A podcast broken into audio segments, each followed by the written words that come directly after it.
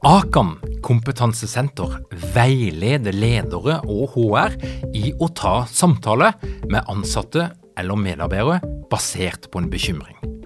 Akan setter ledere og medarbeidere i stand til å forebygge og håndtere en problematisk bruk av alkohol, narkotika, legemidler, spill eller doping blant ansatte.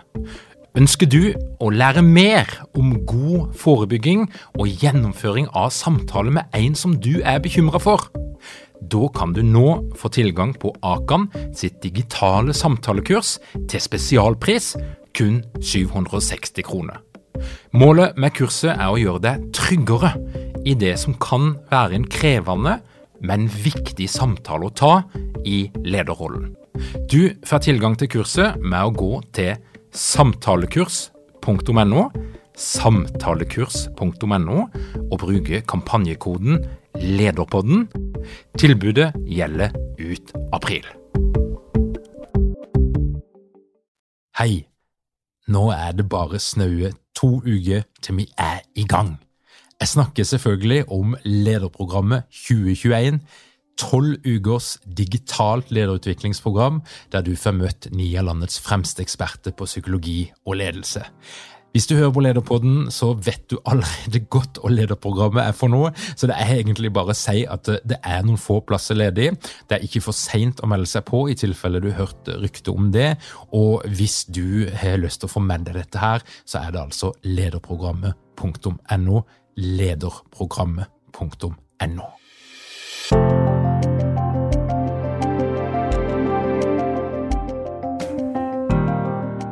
Hei og velkommen til Lederpodden. Mitt navn er Tor Åge Eikerapen. Jeg jobber som organisasjonspsykolog og foredragsholder, og dette her er en podkast om ledelse. Det er ikke så ofte vi har ekte ledere med i dette her programmet. Det er ofte litt sånn fagpersoner, professorer, noen psykologer, eh, folk som snakker mye om ledelse, men som ikke nødvendigvis stender i skoene sjøl. Så endelig har vi i dag fått tak i en ordentlig leder. Velkommen, Espen Karlsen, toppsjef, CEO, administrerende direktør i Jernia. Tusen takk. Jeg liker, Det var da voldsomt i tittel. Jeg liker egentlig bare å kalle meg for leder i Jernia. Ja. Ja, men det, det, er helt i orden. Da skal vi ta det, fortsette med det herifra og ut. men det som er et faktum, det er i hvert fall at du er opprinnelig kokk. Du har eh, avansert på et eller annet tidspunkt til å bli eh, toppleder og, og direktør på, på en, en, hel haug av hoteller eh, i, i Storedalens rike, og fram til du da i 2017 takka ja til jobben som toppleder i Jernia. Kan du, kan du fortelle litt om overgangen fra hotell til jernvare, som vi kalte det i gamle dager? Ja, eh, jeg har jo egentlig alltid vært fascinert av Når du driver hotell, så lever du jo for én ting, og det er jo å fornøyde gjester, og at gjestene skal komme tilbake. Det er jo det vi står opp for hver eneste dag, og det er jo det vi går på jobb for. Eh, og, og det er jo det samme også sånn med Når du driver butikk, så er det jo kundeopplevelser. Det å hele tiden sørge for at du får så fornøyde kunder at de kommer tilbake igjen. Så, og så var jeg jo blitt eh, Så jeg hadde jo et og jeg hoppa egentlig ut av hotellbransjen i 2013. Eh, etter at jeg hadde eh, vært et års tid på The Thief. Eh, og da begynte jeg i Race-gruppen. Det er det selskapet som eier Nikita Heer blant annet, som har 150 frisørsalonger i Norge og Sverige. Så jeg hadde tre og et halvt år der før jeg sa ja til, til jobben i Jernia. Og Jernia, vi må si det at sånn, tradisjonelt sett altså Jeg er veldig glad i Jernia, og jeg har min favoritt-Jernia-sjappe her i Kristiansand. Der de er helt uh, fantastiske til å finne alt jeg trenger og mer til. Og ikke bare det, men de forteller meg jo hvordan jeg skal gjøre ting, og jeg er utrolig treneva, så det kommer godt med. Men i hvert fall, det er en kjede som tradisjonelt har hatt en ganske maskulin profil. Eh, eh, det handler om verktøy, det handler om skrue, det handler om liksom de litt sånn tøffe tingene der, der gutta møtes for å kjøpe utstyr og saker og ting. Og så, vet jeg at du kan ha et mye større sortiment enn en bare det òg. Men det som har skjedd da, under din ledelse, det er jo da at den her tradisjonelt maskuline, min påstand, kjeden, har plutselig begynt å få en ganske grønn profil. Altså, vi, vi, snakker her om at dykken er blant de som er lengst fremme, og i hvert fall får mest oppmerksomhet for å snakke høyt og gjøre konkrete tiltak for å bli mer bærekraftige. Hva er det som skjer? Ja, altså, Det er jo to ting som skjer. Eh, og egentlig så er det jo Når jeg begynte i Jernet i 2017, så, så, handlet det jo om å sørge for at vi ble lønnsomme. Uh, og, og, i den prosessen så er det jo Det, det å bli lønnsomme handler jo også om å tilpasse uh, bedriften til framtida. Uh, og, og framtid det er jo litt sånn rart å si, men, men, i dag så Eller ikke bare rart å si, men det er jo sant. I dag så er jo forretningsmodellen til norsk varehandel er jo i prinsippet uh, Vi lever jo av bruk og kast. Sørge for at kunder kjøper mest mulig, oftest mulig. Uh, sånn at hele veksten i varehandel er jo volumdrevet. og det mener jeg ikke eh, kan fortsette. Og, og da handler jo ledelse om risikostyring. Eh, og det handler jo om å tilpasse virksomheten sånn at vi også tjener penger i framtida. Eh, så, så, det betyr jo at vi må skifte for Vi må gå fra bruk- og kastsamfunnet over i ta vare på-samfunnet. Eh, og da er det ikke sikkert at veksten kommer fra volum Eh, vekst, sånn som, som, vi ser i dag. Eh, så, og, og, så er det jo også sånn at vi har jo alle som leder et ansvar for eh, å bidra til å nå FNs klimamål. Og hvis vi i det hele tatt skal ha sjans til å nå togradersmålet, så må vi jo sørge for at Og da har vi bare ni år på oss, og mer enn halvere klimagassutslippene. Og så er det også sånn at det forbruket vårt, det som vi lever av, det står jo for over 60% av verdens klimagassutslipp. Og da må varehandelen spille en rolle. Uh, og jeg opplevde når jeg begynte i Jernia, at det var egentlig ganske stille rundt dette. Uh, og da tenkte jeg at jeg har ikke tenkt å være stille rundt det, fordi her er det faktisk ganske mange muligheter. Uh, sånn at istedenfor å tenke på det grønne skiftet som et problem for varehandelen, så tenkte jeg nei, vi skal heller gå i front. Vi skal bidra til å vise at det er mulig å leve av å få til bærekraftig handel også i framtida. Så, så, det var det ene perspektivet. Og så er det andre perspektivet handler jo også om min samvittighet som leder. fordi eh, som, som enkeltperson så kan jeg fly mindre, jeg kjører elbil, kaster mindre mat, og da, da gjør man jo viktige ting. Men, men som leder av en stor varehandelskjede i Norge, da kan jeg virkelig eh, gjøre grep så det monner. Eh, og jeg har ikke samvittighet til noe annet. Men Dette her høres bra ut, men vi må jo være såpass realistiske at hos de gamle, konservative kapitalistene, de som, som sitter på sine formuer som er skapt av nettopp konsum og volum, så må jo det å ansette en sånn leder som det, det må de jo få de til å skjelve i buksene. For åssen skal dette her gå? Eh, og det er vel en grunn til at det ikke er så mange andre som har tatt den litt tøffe posisjonen med å, å, å begynne å snakke om litt sånn ekte altså tiltak som svir litt og gjør litt vondt. Og når du da kommer i helsidesannonse i alle landets aviser før jul, og så ber du folk om å la være å kjøpe steikepanne og produktene deres. De skal altså heller gå og kjøpe seg en middag på, på nabolagsrestauranten. Du, du, så, så, er det klart at eh, det, da, da, er det noen folk som, som begynner å, å, å, riste på hodet. Og hva er det de holder på med? Hvordan kan de la denne mannen eh, holde på med dette her? Vi eh, tenker jo to ting. Fordi hvis vi mener alvor med at vi skal gå i front eh, og få til å vise vei at det går an å drive bærekraftig handel, så, så handler det til syvende og sist om at eh, vi kan ikke kjøpe ting vi ikke har bruk for. Og vi skal ikke selge ting til folk som ikke folk har bruk for. Eh, og denne jula her, så, så ønska vi på en måte å løfte fram, fram det bærekraftsperspektivet. At en, eh, og, og, det var egentlig Jeg ble invitert til å være med i en Pollypodden, eh, podkasten til Politeknisk forening, hvor vi skulle diskutere og snakke om grønne julegaver. Eh, og gjerne så er vi opptatt av kvalitetsvarer, vi er opptatt av at ting skal vare og selge skikkelige ting, for det er jo på en måte Det er jo bærekraft i seg selv, at du selger ting som varer over tid. Men det det handler om, det er at vi vil ikke at folk skal kjøpe ting til, i gaver til andre mennesker som de ikke har bruk for eller ønsker seg. Da vil vi heller uh, at uh, du kjøper uh, gavekort på restaurant. Fordi, fordi, det handler Det er jo det som er på en måte solidaritet i praksis også. Vi gjorde et veldig veldig godt år i fjor. og så ser vi at hele Norges restaurantbransje og hotellbransje ligger nesten nede med brukket rygg. og da er det mye bedre, og hvis ikke onkelen din eller den du har ønsker seg stekepanne, da vil vi heller at du bruker pengene på restaurant. Fordi vi, vi er jo et, det, Summen av norsk næringsliv, altså norsk næringsliv, går ikke bedre enn resultatene til de bedriftene vi har i norsk næringsliv. Eh, og vi har jo butikkene våre lokalt rundt omkring i hele Norge. Og, vi ser hva som skjer når det er tomme restauranter, folk går ikke ut, det stopper helt opp. Eh, og da ønsker vi at vi skal faktisk ha uh, restauranter til å komme tilbake igjen når krisa er over. Og det, restaurantbransjen har jo ikke penger til å annonsere på den måten. Så tenkte vi da gjør vi det.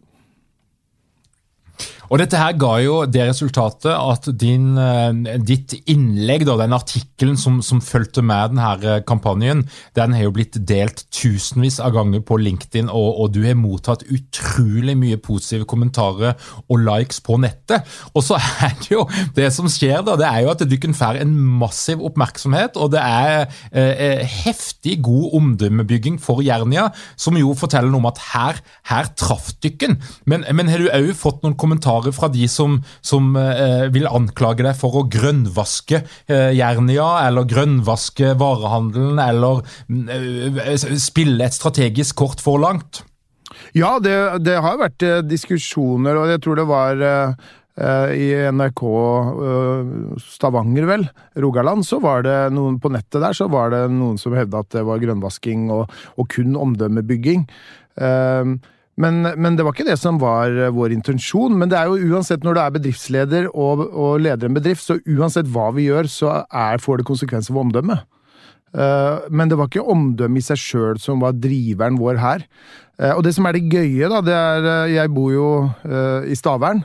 Uh, og, og, der var det nå hun som eh, driver Gule Galleri, hun hang ut av vinduet her eh, i romjula, og så ropte hun til meg og sa Vet du hva, den annonsen din, det, det har aldri solgt så mye gavekort før. Det kom en dame, hun kjøpte 25 gavekort av 1000 kroner, for hun skulle gi til alle, noen på jobben og, og familien sin. Uh, og jeg har også hørt det fra flere at det har uh, gitt økt gavekortsalg, og det var det som var først og fremst intensjonen vår. Det er, kult å høre. og det er jo, dykken tok liksom og toppa det. For, for, I høst så kom det noen sånn type annonser der Widerøe annonserte for Norwegian, og det var en del sånn type eksempler på solidaritet og, i mm. markedsføringa mm. som, som, var litt, uh, noen litt nytt. Men uh, det som er gøy med Jernia, det du har gjort for deg En ting er annonsering og PR, og sånn, og det er relativt lett å få til. men det som du har gjort, og som mange andre ikke har gjort, det er jo å ta en alvorsprat med dine leverandører, og, og faktisk sette litt sånn kommersielt press på leverandører når det gjelder emballasje. For det vi ser da i handelen, det er jo at ting er emballert altså Det er jo veldig vanskelig å komme inn til produkter. Du, du må jo ha saks og, og mm. hekksaks og motorsag eh, og alt mulig for å komme inn til selve varen, fordi at den er så emballert og beskytta. Av og til så handler det om ren beskyttelse. Andre ganger så handler det om at emballasje òg er en, en eh, eksponeringsflate for å selge et produkt. F.eks. leketøy har jo en overdreven stor eh, emballasjebruk eh, når, når, det gjelder, altså, som, som, ikke er proporsjonalt i det hele tatt med hva som faktisk er inni denne boksen. Men, og Der skiller du deg ut. For min opplevelse det er at det er mye preik om bærekraft. Og det er mye sånn småting. Sånn ja, nå skal vi sykle litt til jobben, og nå skal vi eh, resirkulere kopipapir, og vi skal kopiere litt mindre og ha litt mindre papir. Altså Det er sånne småting som ja, Til sammen så monner det kanskje litt, men jeg opplever veldig sjeldent at norske næringslivsledere tør å ta virkelig sats og bruke makta si, eh, og òg kanskje ta risiko for å oppnå en mer bærekraftig virksomhet. Fortell litt, Espen. Hva er det eh, du og Jernia har gjort når det kommer til å presse leverandører i Kina og andre lavkostland til å, å kutte emballasje, og i det hele tatt produsere og frakte varer på en mer bærekraftig måte? Mm. Ja, og dette er jo fordi det er jo her vi kan gjøre en forskjell, fordi det er der du må begynne. Eh, og vi har jo satt oss et mål om at Jernia at vi skal bli sirkulære, altså få en sirkulær forretningsmodell. Og, og da er det Det er egentlig ganske eh, enkelt å si, men vanskelig å gjøre. Men sirkulærøkonomi i praksis, det handler jo om at du må selge produkter som er designa for gjenvinning. Eh, og så må du selge kvalitetsvarer, altså varer som har, tenkt, som har en lang holdbarhet. Og, og, så må du kunne reparere dem. Eh, det må kunne skaffes reservedeler. Og når det ikke lenger kan brukes, så må det være lett å gjenvinne dem. Sånn at de går tilbake igjen i varekretsløpet og blir nye råstoffer og kan brukes til andre ting. Det er på en måte vår store ambisjon. Eh, dit skal vi, eh, sånn at det vi selger eh, er bare sirkulære produkter. Og så er det også sånn, Vi er jo prisgitt det leverandørene våre lager, i prinsippet. Så da er det der vi må begynne. Og så er det jo også sånn når du skal spise en elefant, så tror jeg det er lurt å, å begynne med en bit av gangen.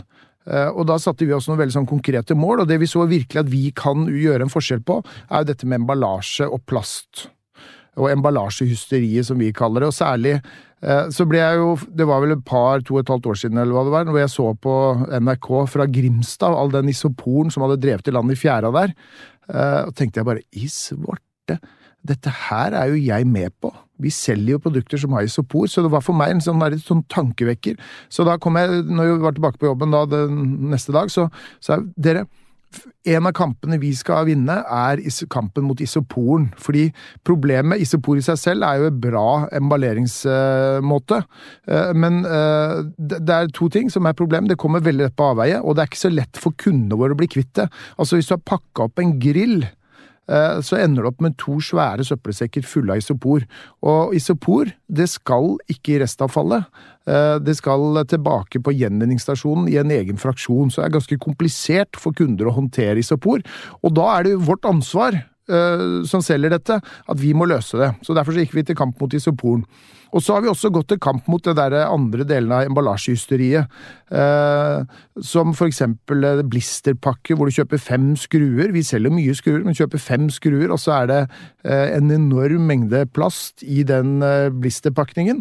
Uh, og, så vi går jo litt sånn tilbake igjen til gamle dager, og dere som bor i Kristiansand har jo Torjussen, og de har jo en fantastisk avdeling uh, med skruer i løsvekt. Og nå ruller jo vi ut skruer i løsvekt i alle butikkene våre. vi blir nok ikke kvitt helt blisterpakningene, men det vi har fått til sammen med Arvid Nilsson, som er vår leverandør, det er jo at de har jo kutta ut de plastboksene sine som de solgte til, til proffmarkedet. Da har de fått en type papp som er gjenvinnbar.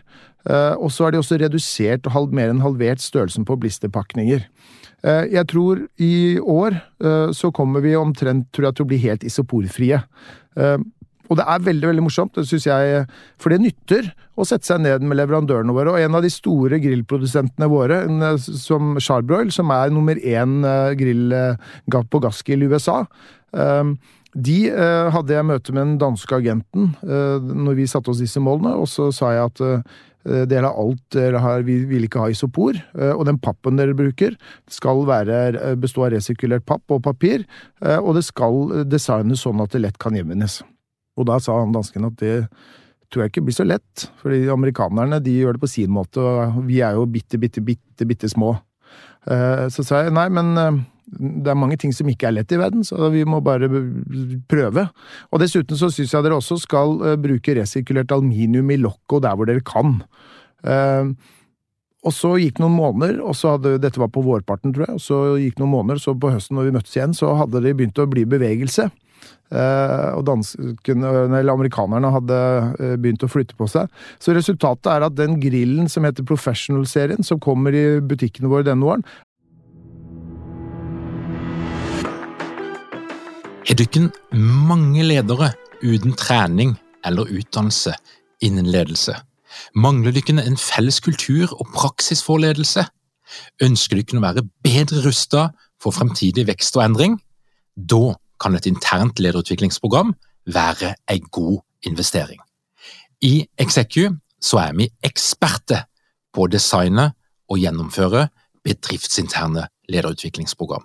Hvis du ønsker å lære mer om hvordan vi kan hjelpe dykken til å få enda bedre ledere, ta og klikk deg inn på execu.no.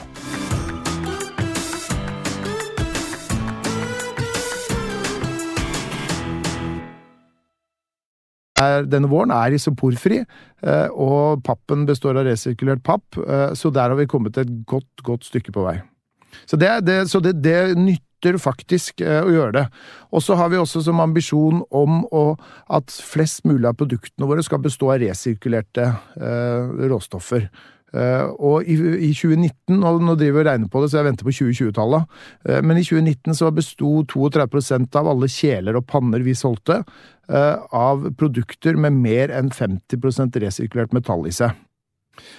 og det er utrolig viktig, dette med å etterspørre råstoff, eller produkter med resirkulerte råstoffer i seg. Fordi litt av problemet i dag er, og litt av årsaken og liksom problemet med plast, det er jo at, eh, at virgin plastic, altså ny plastikk, er billigere enn resirkulert plastikk. Så plastfloka i seg sjøl er komplisert, eh, men det er jo da vi må bruke markedskreftene, og det er det vi er ansvarlig for, å etterspørre resirkulert plast. Og et konkret eksempel er at den bæreposen som ja, Nå er vi i ferd med å få den nye, men forrige generasjon bærepose hos oss besto av 80% gjenvunnet plast, produsert i Tyskland Nei, unnskyld, produsert i Polen med gjenvunnet plast fra et tysk resirkuleringsanlegg. Grunnen til at det bare var 80% det var at hankene ble for dårlige. Derfor så måtte det blandes i noe plastikk for å sikre hankene. Eh, fordi at det er ikke noe vits med bæreposer som ryker. Da blir det dobbeltkatastrofe. Eh, og det var det beste vi kunne få til da. Eh, så møtte jeg en kar på Arendalsuka for et par år siden, og når jeg hadde holdt et innlegg der, så fortalte meg at, at Norwegian Paper på Bykle jobber med å løse dette her, så de trengte en partner. Og det var en fantastisk samtale. Det har resultert i at nå har vi bæreposer som består av 100% resirkulert plast, produsert på Bykle, eh, med hvorav i hvert fall den første batchen av posene så består eh, de av 30 eh, resirkulert plast fra husholdningene i Rogaland, gjenvunnet på Ivar-anlegget på Forus. Så det er jo da helt kortreiste bæreposer som er resirkulert. Det hadde ikke skjedd hvis ikke vi som en stor uh, varehandelskjede uh, hadde etterspurt det, som gjorde at Bykke, Norwegian Paper på Bykle turte å satse på det, blant annet. Så det er masse ting å ta tak i, og, og, summen av dette når alle begynner å gjøre det, er jo at vi får lavere klimagassutslipp. For eksempel så vet vi at det å bruke resirkulert aluminium kontra ny aluminium reduserer jo klimagassutslippene med over 90 og det er jo derfor har vi jo lagd en innsamling, sånn at du kan ta med dine gamle kjeler og panner til nærmeste Jernia-butikk, eh, eller kniver, og så kan du levere det der. Eh, og vi sørger for at det blir, går til gjenvinning til Norsk Fredrikstads anlegg, nei, til Norsk Gjenvinnings anlegg i Fredrikstad, eh, og så blir det gjenvunnet. Det samme starta vi nå i høsten 2020. Eh, gjorde vi det samme med glass, keramikk og porselen. Fordi det vi vet, og vi har gjort undersøkelser, er at vi forbrukere kaster jo glass, keramikk og porselen ofte i restavfallet, og der blir det brent. Men vi kaster det også av og til i den glass- og metallfraksjonen. Uh, som vi har hvor vi kaster vinflasker osv. Og, uh, og da ødelegger en hank eller et glass ødelegger kvaliteten på den forsendelsen. Så der gjorde vi et uh, stunt sammen med Eller ikke et stunt, men der satte vi oss ned sammen med Norsk Gjenvinning, og så sa vi, utfordra vi Norsk Gjenvinning hva er det neste store problemet vi kan være med på å løse når det gjelder resirkulering. Fordi målet vårt må jo være at vi som selv Vi må ha et ansvar for også å gjenvinne de produktene vi selger. Eh, og da ble løsningen glass, keramikk og porselen, eh, for det er en, en, en stor utfordring. Eh, og så veit vi også at det fins teknologi, og nå har de altså åpna en fabrikk i Larvik, på Grinda gjenvinningsanlegg i Larvik, hvor de gjenvinner glass, keramikk og porselen. Så vi samler inn i alle butikkene våre glass, keramikk og porselen og sender dit. Og, de lager et produkt som er et substitutt for sement. Uh, som uh, istedenfor Og hvis du bruker, sement til å lage de samme produktene, så, så ved å bruke disse substituttene fra glass, keramikk og porselen, uh, så reduserer man klimagassutslippene med over 60% Og det er jo det jeg mener er varehandelens fordømte plikt. Og for alle som har sett på Jernia i, eh, i um, Side om side, og føler at de nå kjenner liksom noen Jernia-ansatte De kunne sikkert et litt ambivalent forhold til Side om side og Tore Sagens eh, figur, som, som da jobber på Jernia. Men, men det uh, som jeg blir nysgjerrig på, det er jo kulturen medarbeideren. For her snakker vi om da et skifte ifra å kanskje ha en helt sånn gjennomsnittlig fokus på, på, bærekraft, til å plutselig skal stå i front når det gjelder eh, bærekraft. Og det vil jo i en del tilfeller innebære et kulturelt skifte. Og Man kan jo òg tenke seg at hvis du skal lykkes i dette her prosjektet, så må du ha noen medarbeidere med deg. Og en skulle jo kanskje tenke at det sitter medarbeidere der ute som, som, som har noen ideer eller noen tanker, eller den her kollektive intelligensen som, som, kan bidra til et enda større push. Kan ikke du fortelle litt, Espen, hvordan jobber du med kultur, involvering, å og få mobilisert sånn at dette her ikke er ditt soloprosjekt som leder, der du er i front og gjør din greie, og så sitter medarbeideren litt sånn på sidelinja og rister på hodet og skjønner ikke helt hva som egentlig skjer. Mm. Ja, og dette har jo vært utrolig viktig fra dag én. Eh, at dette ikke skal være et stunt, men dette skal være vår måte å modernisere faghandelen på. Det er under den overskriften vi jobber med disse tinga. Eh, og vår ambisjon er jo at Jernia skal gi deg som kunde den beste hjelpen. Eh, og vi sier sågar også hos oss at vi ønsker at Jernia skal være kundens lokale helt. Så, så i en faghandel så skal vi ha mennesker som kan tingene sine, og som du sa innledningsvis også, hjelper deg, gir deg tips og råd. Så vi bruker store ressurser på både å involvere eh, og trene medarbeidere. Eh, og et av de viktigste verktøyene vi bruker, er Motimate, og det er en app som er på en måte tilsvarende Facebook at work, men den har to, to funksjonsområder. Det ene er en wall hvor vi legger ut all type informasjon øh, og sånn, øh, og med bilder og, og sånn. Og så er det også et learning management-system. Så i fjor så gjennomførte vi over 70 000 kurs øh, på våre medarbeidere. Det tallet får du når du ganger antall medarbeidere med antall kurs. Uh, og vi, all informasjon går der. Vi har jo ukesinfo hver mandag. Uh, sånn at for oss er det utrolig viktig uh, å gi den informasjonen. og så har jeg hele tiden også vært veldig aktiv der og utfordra medarbeideren på innspill. Uh, og jeg pleier å si Før så hadde vi 1200 medarbeidere i Jernia, nå har vi 1200 blekkulfer. Uh, for det har blitt ordentlig vaktbikkjer.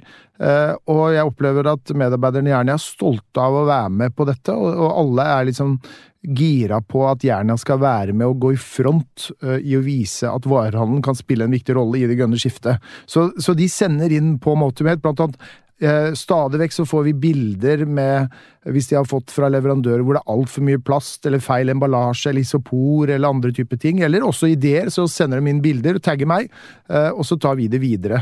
Og da er det selvfølgelig viktig at vi som ledere svarer sporenstraks og gjør noe med det.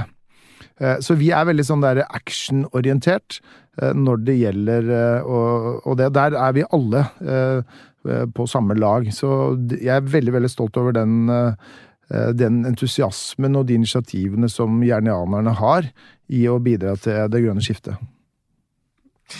Og til dere som lurer på om jeg har fått en grill av Espen, så slapp av. Denne her sendinga er totalt usponsa, bare sånn at det er sagt. Men det er en god historie. Og, og Espen, litt av grunnen til jeg inviterte, det er jo at jeg ønsker å gjøre mitt lille bidrag, og det er å få et større fokus på bærekraft i Lederpodden, og òg gi ledere inspirasjon til hvordan de kan jobbe med bærekraft i sin virksomhet. Og når du kikker rundt på dine kollegaer i Norge, om det er varehandel eller andre bransjer, og hva syns du, da? Og flinke er norske ledere til å bruke de mulighetene de har til å faktisk påvirke i en positiv og en grønnere retning? Hva syns du? Um, ja, det, det, jeg syns det går litt tregt. Jeg syns vi er for alene foreløpig. Og jeg ser at det er mange som prøver, eh, og det er mange som kommer ulike initiativ, men jeg tror eh, ikke at det først og fremst handler om at du plutselig har en svanemerka sjampo eller en svanemerka sprayflaske på resirkulert plast. Det er ikke det det handler om. Eh, og derfor så jeg er med i, næring, i Skift, næringslivets klimaledere, hvor vi er noen og 30 toppledere i et nettverk hvor vi regelmessig diskuterer den type utfordringer, setter ambisjoner. Og vi har også lagd en del sånne skiftnotater, som vi kaller, som rett og slett er konkrete forslag til hva man kan gjøre for å få fart på det grønne skiftet. Og vi er jo Det er Jens Ultveitmo som tok initiativ til dette. Han er jo en pioner på området, og en veldig, veldig stor inspirasjon. Så, så, og der var det også her i høst, så ble, signerte vi jo grønnvaskingsplakaten. Uh, hvor det er uh, konkrete regler til hva som er Hvor vi definerer veldig tydelig hva som er grønnvasking og ikke. Og det skulle jeg ønske at flere av kollegaene mine, spesielt i varehandelen, signerer på og blir med på den grønnvaskingsplakaten. Fordi jeg er redd for at kundene våre, og det vet vi fra innsikt, åtte av ti nordmenn ønsker jo å leve mer bærekraftig, og seks av ti nordmenn sier at de ikke helt vet hvordan. Eh, så, så, det hvordan de skal, og hva de skal gjøre. Og, og, sånne begreper som 'dette er bærekraftig', 'dette er ikke bærekraftig', det er veldig, veldig lite substans i det. Fordi det er ekstremt komplisert. Eh, faktisk, eh, fordi du har veldig mange perspektiver når du skal si hva som er bra eller ikke. Så det vi gjør i Jernia, så prøver vi å bruke ordet bærekraftig minst mulig, og så sier vi heller hva det er. Så vi sier at dette produktet består av 80% resirkulert aluminium.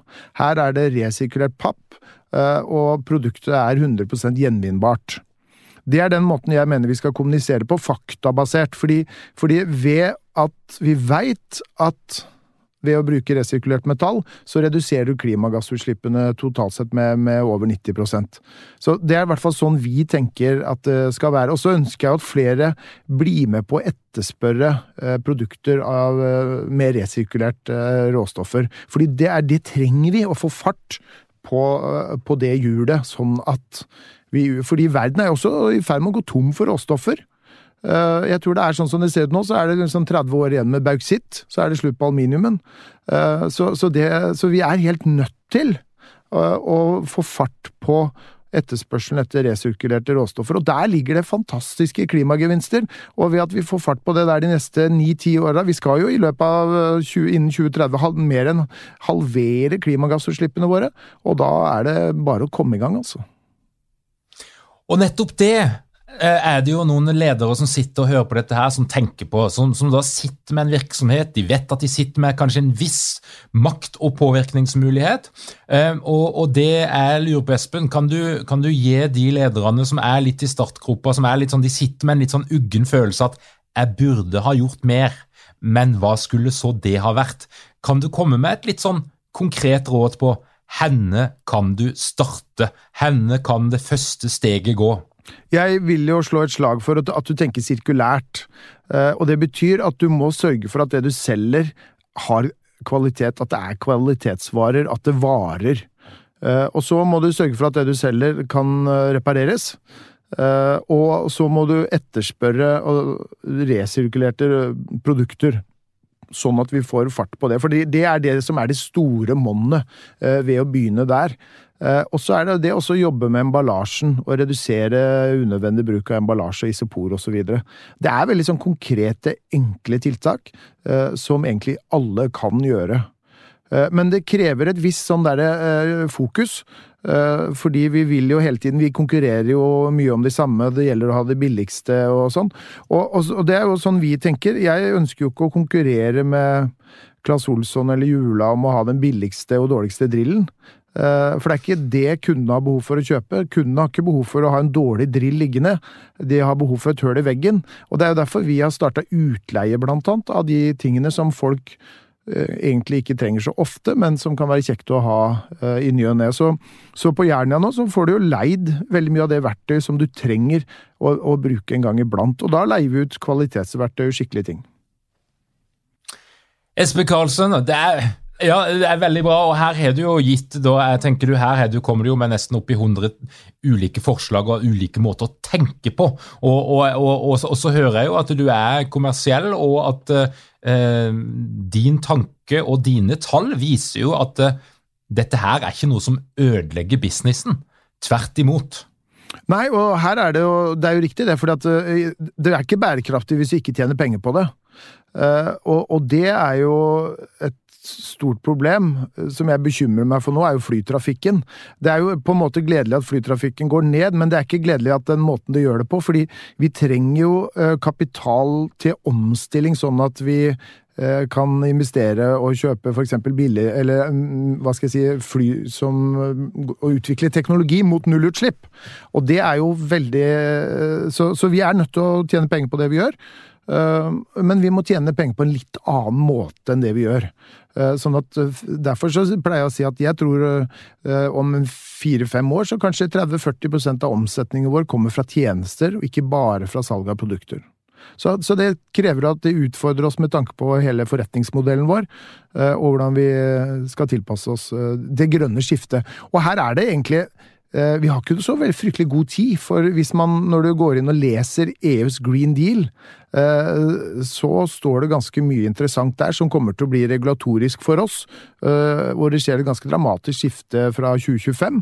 Så her er det egentlig bare å sette i gang og, og, og flytte inn i det grønne skiftet. Espen Karlsen, jeg tror det du eh, har fortalt oss her, faktisk kan være med på å pushe enkelte ledere til å ta noen initiativ som de ellers hadde brukt lang tid på å ta. Og akkumulert så kan faktisk det være med på å gjøre en forskjell. Uansett, tusen takk for at du har tørt å ta den posisjonen sammen med jernianerne som du har gjort. Og tusen takk for at du kom til Lederpodden. Tusen takk, veldig hyggelig å være her.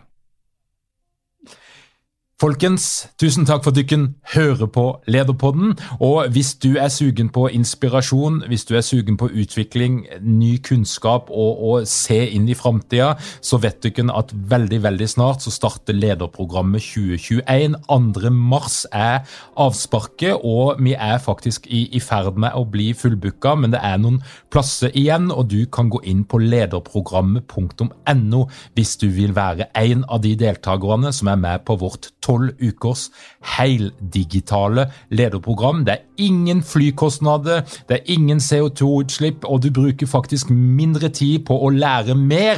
Så jeg tror det er vårt lille bidrag inn i, eh, i det grønne. Lederprogrammet.no.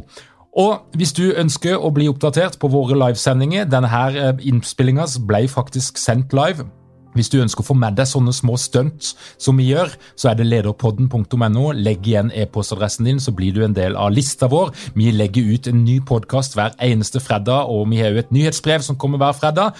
Og du kan bli med på alt sammen på lederpodden.no. Takk for at du hører på Lederpodden, og jeg ønsker deg ei veldig god uke.